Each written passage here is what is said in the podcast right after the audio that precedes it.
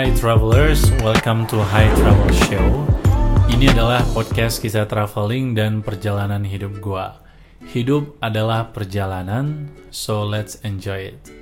Harapan Tuhan di sini, gua adalah guru orang Indonesia yang bekerja di Thailand.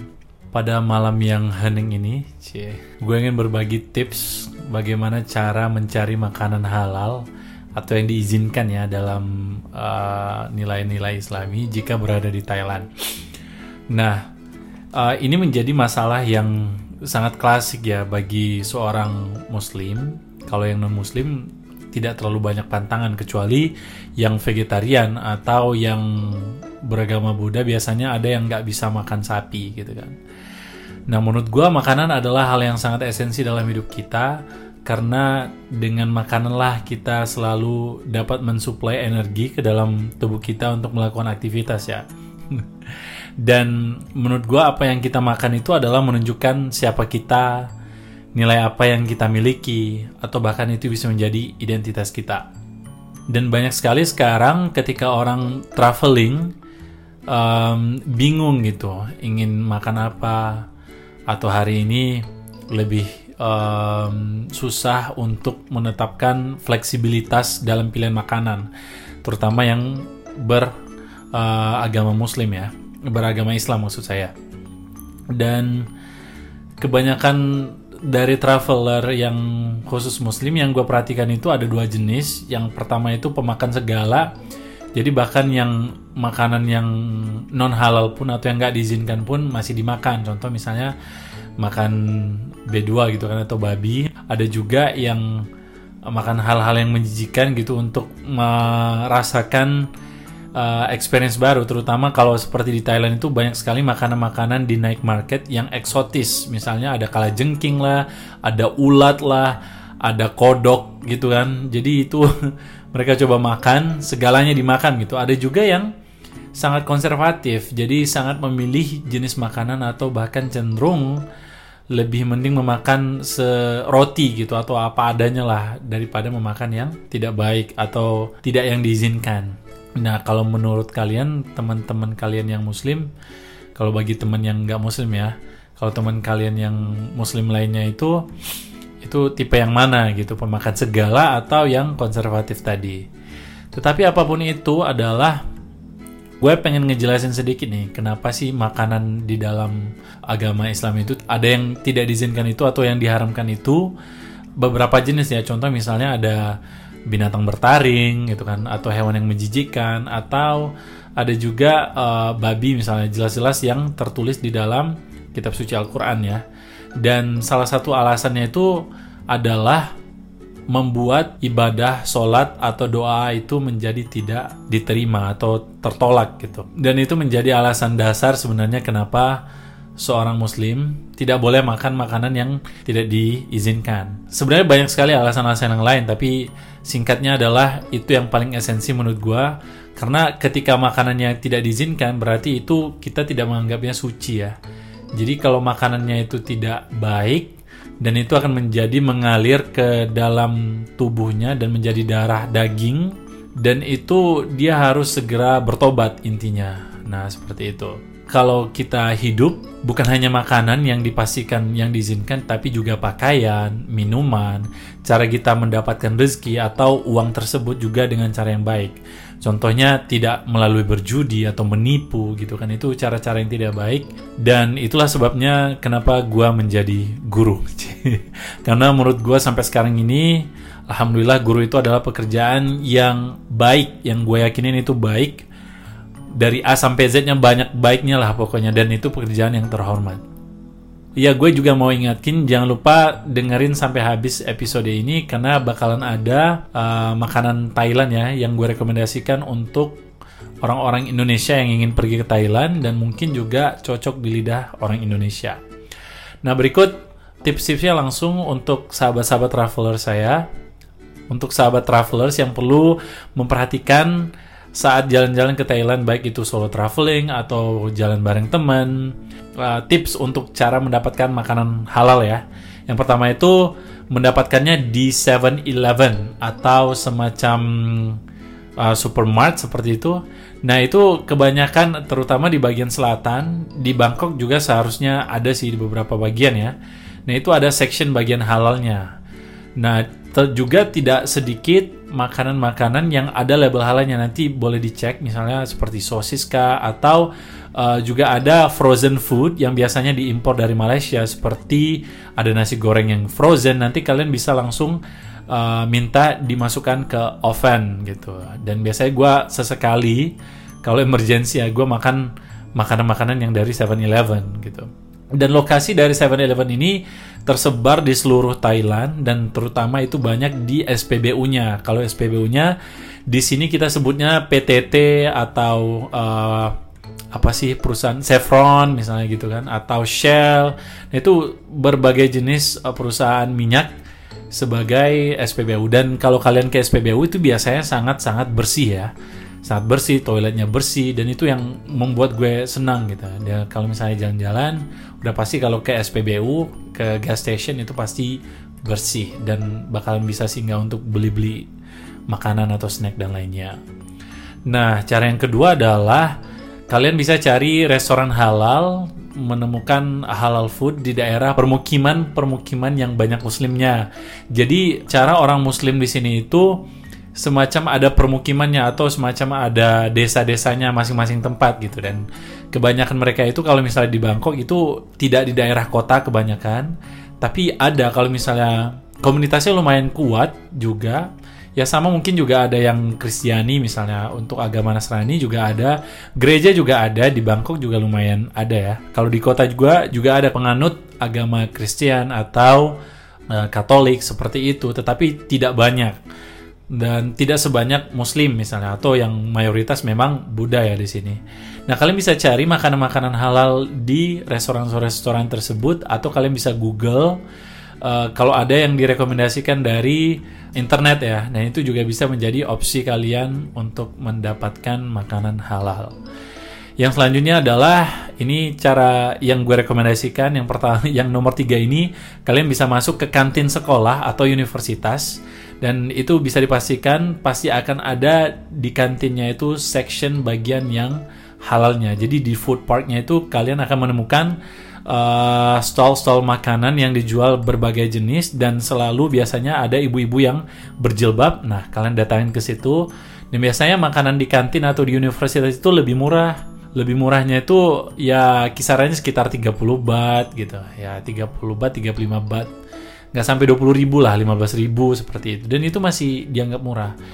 Tapi kalau mungkin di Bangkok yang mungkin agak sedikit lebih mahal. Karena secara biaya hidup memang di Bangkok terkenal dengan lebih mahal ya, lebih spending money.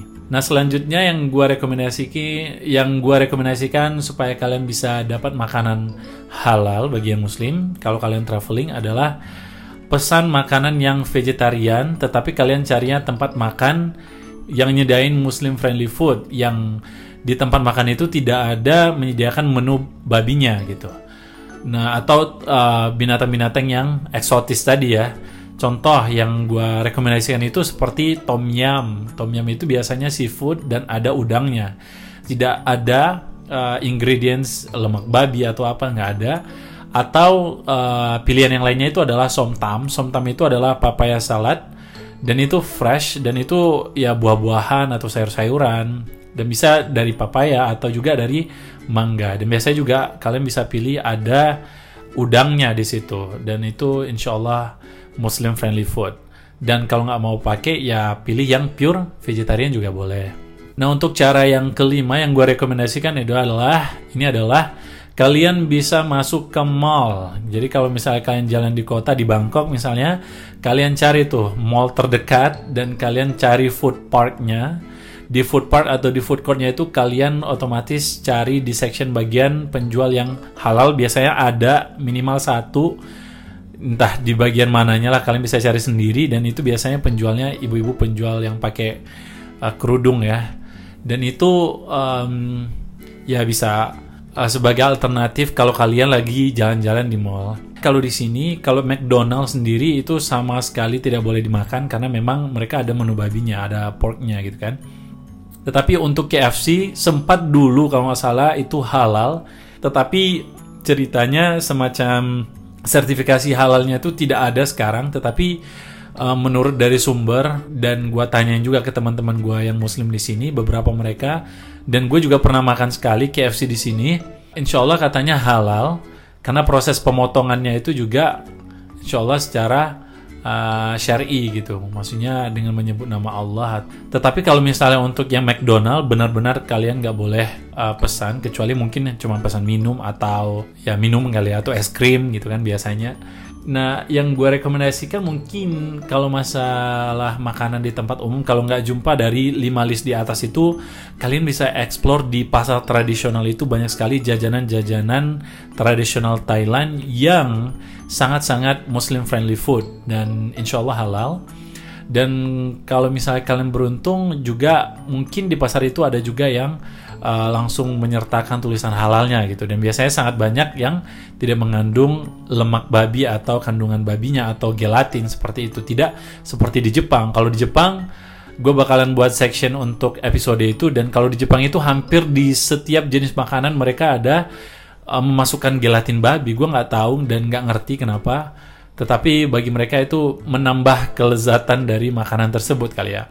Alright itu tadi dia 5 tempat uh, atau tips yang gua rekomendasikan kalau kalian berada di Thailand dan ingin mendapatkan makanan halal ya. Tetapi yang gua rekomendasikan adalah dari pengalaman gua ini kalau di daerah selatan ya itu tidak terlalu banyak sebenarnya um, tantangan bagi gua untuk menemukan makanan yang tidak halal. Nah, sekarang gue pengen uh, share ke kalian bagaimana cara uh, apa sih kata babi misalnya untuk menanyakan kalau kalian ke restoran kalau ada menu babinya atau tidak gitu kan. Dan bahasa Thailandnya babi itu adalah disebut dengan namu, namu, namu, nea artinya daging, mu, mu artinya babi. Jadi kalau misalnya mu, mimai hap, mu, mimai hap, coba bareng-bareng mu mi mai hap apakah ada babi? Nah kalau ada mi hap. Mi hap kalau ada berarti kalian jangan pesan makanan di situ berarti nggak halal kan gitu. Nah di sini tingkat toleransinya di Thailand sendiri itu sangat tinggi ya maksudnya karena memang beda seperti misalnya di negara India itu memang banyak sekali Hindu tetapi kebiasaan orang Hindu di sana tidak biasa mengkonsumsi pork atau babi gitu tetapi kalau misalnya di Thailand atau di Jepang misalnya, itu memang sangat banyak sekali dan itu mereka sangat senang untuk mengkonsumsi daging tersebut karena memang mungkin murah satu dan juga enak. Ya enak. Nah, makanya jadi ujian kan bagi orang muslim yang ya bagi kita memang tidak diperbolehkan.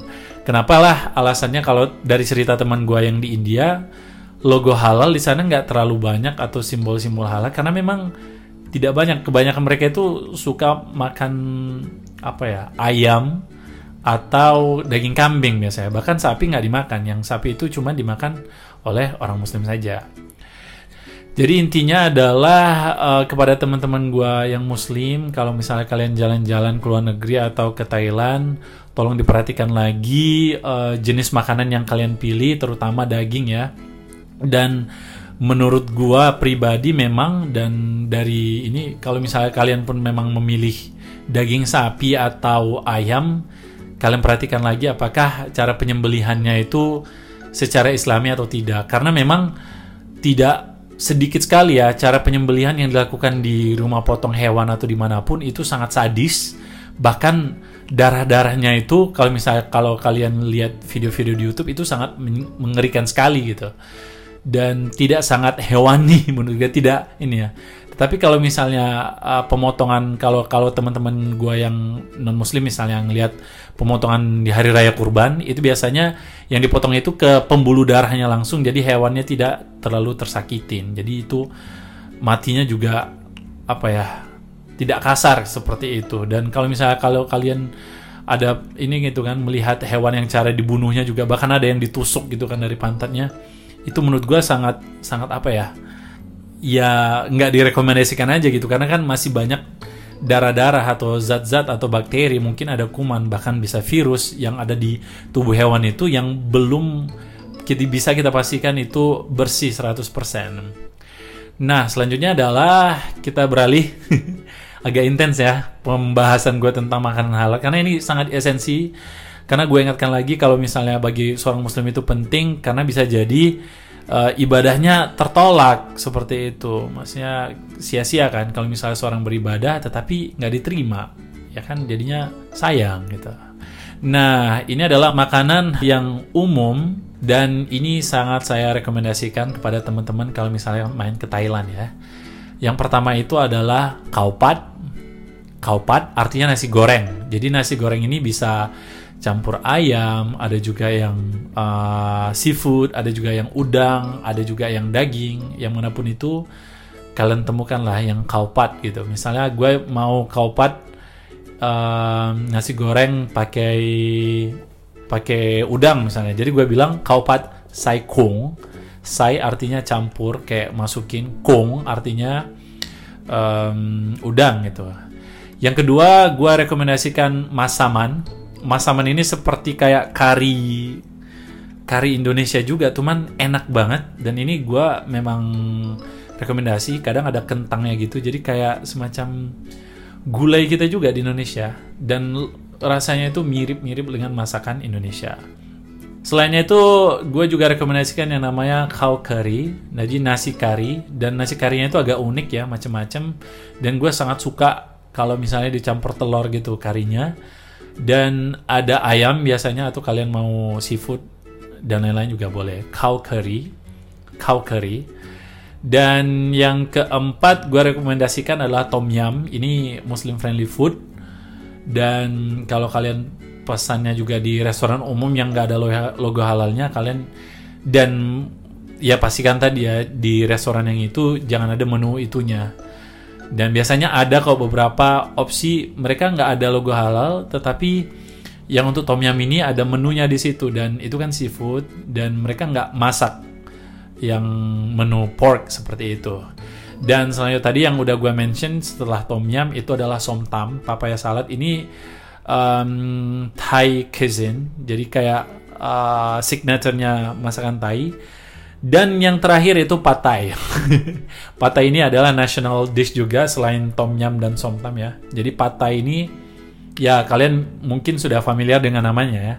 Ya itu dia tadi intinya kepada teman-teman gue yang muslim, baik yang non muslim juga nggak ada terlalu masalah um, untuk menemukan makanan. Ya gue cuman berharap uh, kalian bisa enjoy selama jalan-jalan, jadi tidak terlalu merasa oh susah makanan ini segala macam. Jadi gue yakin kalian juga bisa pakai Google Translate dan lain-lain. Um, selama jalan-jalan kalian bisa enjoy dan juga menikmati berbagai jenis masakan atau makanan Thailand yang luar biasa enak-enak banget. Uh, yang gue memang nggak sesalin ya selama tinggal di Thailand itu banyak sekali opsi makanan yang enak-enak dan menurut gua ya pribadi itu jauh lebih sehat dibandingkan makanan-makanan yang ada di Indonesia sekarang. Contohnya kalau di Indonesia kan bahkan nasi padang pun yang notabene di era sekarang ini itu banyak sekali yang sudah pakai uh, bumbu penyedap uh, instan gitu. Jadi menurut gue ya segala yang instan itu kan kurang sehat ya.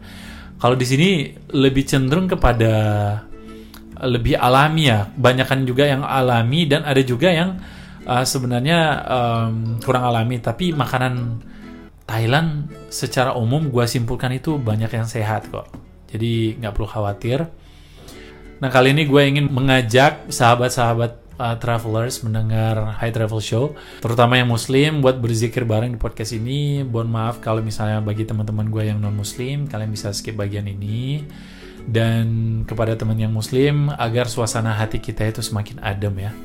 Oke, bismillah. حسبي ربي جل الله ما في قلبي غير الله. نور محمد صلى الله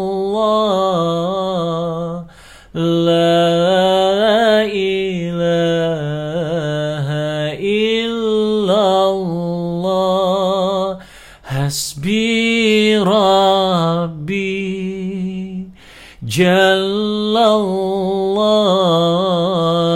ما في قلبي غير الله.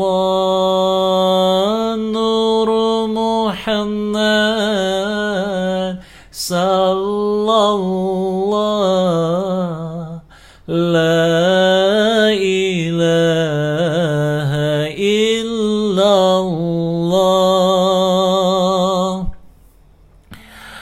terima kasih bagi yang masih setia mendengarkan podcast ini, podcast High Travel Show.